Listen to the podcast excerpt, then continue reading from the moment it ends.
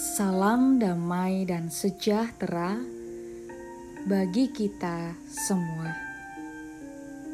Saudara yang terkasih, hari ini kita akan bersama-sama merenungkan firman Tuhan dari 1 Korintus 9 ayat 10. Atau kitakah yang ia maksudkan?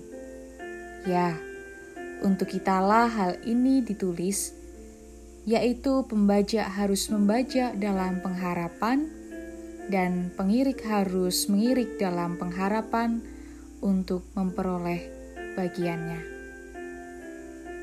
Bekerja, syukur, dan sukacita. Saudara yang terkasih, pagi ini mungkin ketika saudara membaca dan mendengarkan firman Tuhan ini, saudara sedang akan mempersiapkan diri untuk memulai beraktivitas dan bekerja, atau malahan sudah di tempat kerja. Pertanyaannya untuk kita semua, untuk apa kita bekerja? Pasti saudara akan menjawab untuk mendapatkan uang dan uangnya untuk memenuhi kebutuhan hidup yang tidak sedikit kebutuhannya. Lalu pertanyaan lanjutan bagi kita, apakah dengan banyak uang kebahagiaan akan datang dengan sendirinya? Tentu tidak ada jaminan ketika kita punya banyak uang pasti bahagia. Kebahagiaan dan kepuasan batin tidak bisa dinilai dengan banyaknya uang. Nyatanya banyak juga orang yang punya banyak uang, tetapi hidupnya tetap saja tidak bahagia. Malahan banyak kegelisahan di dalam hidup mereka.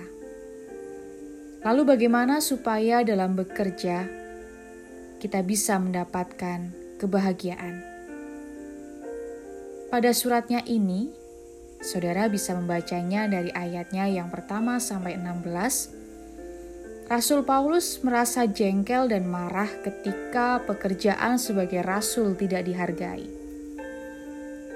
Menariknya, Paulus bukan menuntut kepenuhan haknya, tetapi kebahagiaannya adalah dalam bekerja memberitakan Injil.